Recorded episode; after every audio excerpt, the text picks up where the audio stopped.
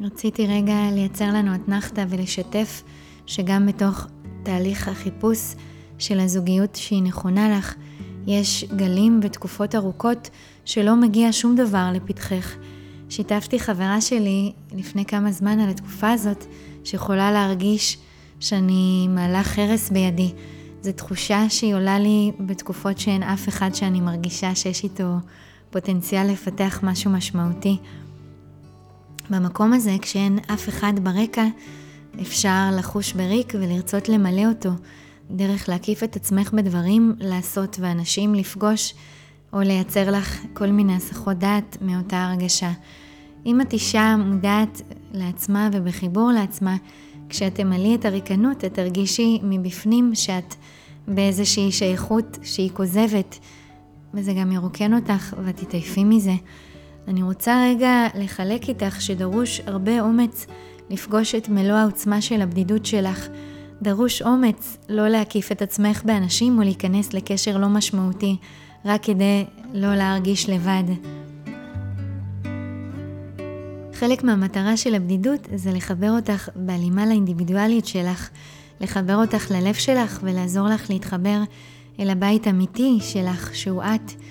אז אם את באמת רוצה למלא את הריקנות, אז תחפשי את המילוי מבפנים.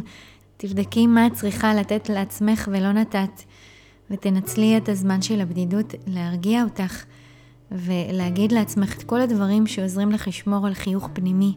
תתחברי אל שפה שבה את מדברת לעצמך ממקום שמעצים.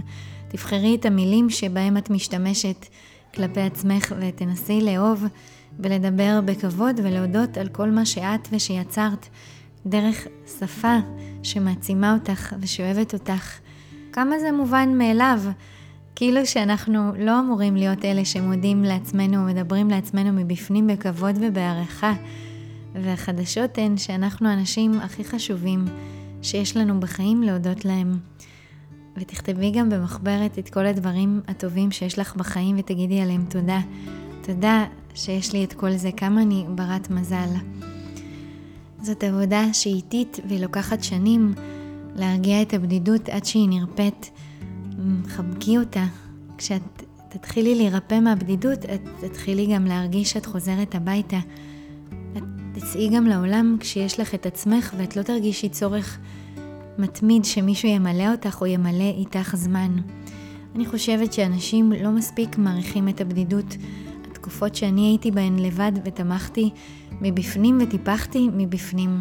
הן התקופות שהכי חיזקו אותי ומילאו אותי בביטחון עצמי.